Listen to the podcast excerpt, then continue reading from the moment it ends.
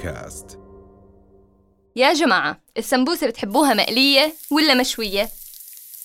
وأنا هيك بحكي كمان. كالعادة ما في جواب. نفسي أبطل أسأل بس الطبع غلاب. الطبع غلاب وانت عارفة.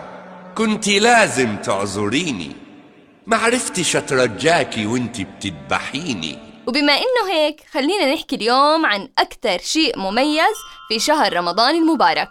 وأكتر إشي بنلاقي فيه إبداع وكرياتيفيتي فدادين على قولة أحمد مكي. إعلانات رمضان.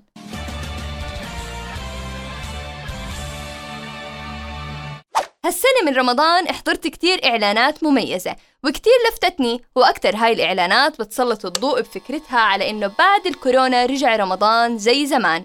ومنها بسلط الضوء على مشاكل واجهتها البلدان ومنها كسر الضوء وما سلطوا بمكان. فيا أعزائي المستمعين من أكثر الإعلانات اللي لفتتني وكانت كلها روح ومضحكة هو الإعلان اللي عملته ياسمين عبد العزيز وكريم محمود عبد العزيز. وكان بعنوان رمضان زمان ولا رمضان دلوقتي؟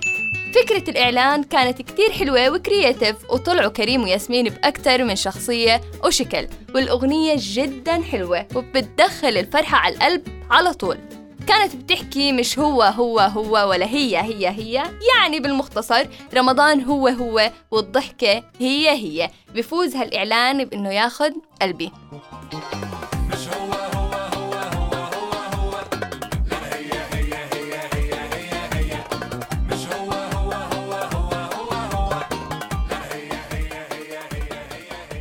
ومن الإعلانات اللي جمعت أكثر ثلاث ممثلات بحبهم. كان إعلان لشركة اتصالات كان أبطالها نيلي كريم منى زكي ودينا الشربيني.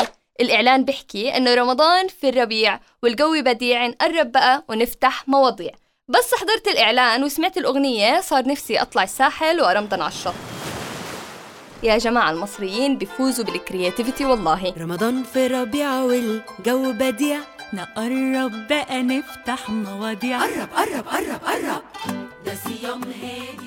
أما عن إعلان تامر حسني ويسرا وإليسا ما فاز بقلبي ولا بال creativity يا جماعة. ما حسيته جاي على جو رمضاني؟ بصراحة يعني. وأول ما شفت إليسا طلع براسي على طول. أجمل إحساس بالكون إنك تعشق بجنون. أجمل إحساس في الكون إنك تعشق بجنون وده حالي معاك. لا لا لطيف. بس بياخد خمسة من عشرة من اللطافة ورأيي المتواضع. افرح نخطف من الوقت شوية لينا. ما نفرح وفي إعلان تاني مستفز جدا يا جماعة. كان في المغنية الموقرة روبي ومحمود العسيلي. كان إعلان ملطف جو. إعلان ما له أي ستين لازمة برأيي. عبارة عن حب ومشاعر وقلوب حب طايرة في الهواء وعريس وعروس وملوش أي ستين علاقة برمضان. بعد إذن الهوى أنا قلبي استوى وكأني في فرن وحبك نار بتفوت في الحيط بعد إذن الجو عمالة تحلو وكأنك نسمة حلوة تهف تطري البيت. بحب أوقف وقفة عظمة وتكريم وتجليل لل creativity فدادين اللي عملوه الناس الشاطرين. إعلان مكتوبة علينا مكتوبة. اللي كان بطولة نادين نجام الإعلان بدأ بمشهد انفجار الإزاز بوجهها وهذا بذكرنا بحادثة لبنان. غير المشاكل اللي صارت كلها آخر فترة اللي جسدها الإعلان منها حادثة ريان والحروب اللي عم بتصير بالبلدان. وبيحكي الإعلان إنه حتى لو كل هاد صار معنا مكتوبة علينا مكتوبة أشياء حلوة مكتوبة. الإعلان رهيب يا جماعة. مكتوب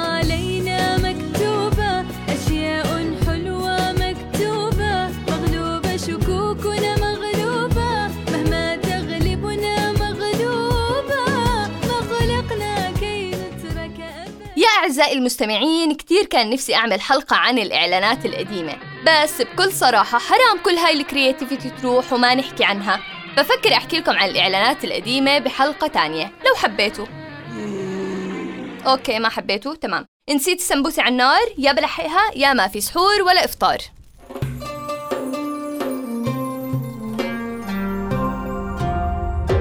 رؤيا بودكاست.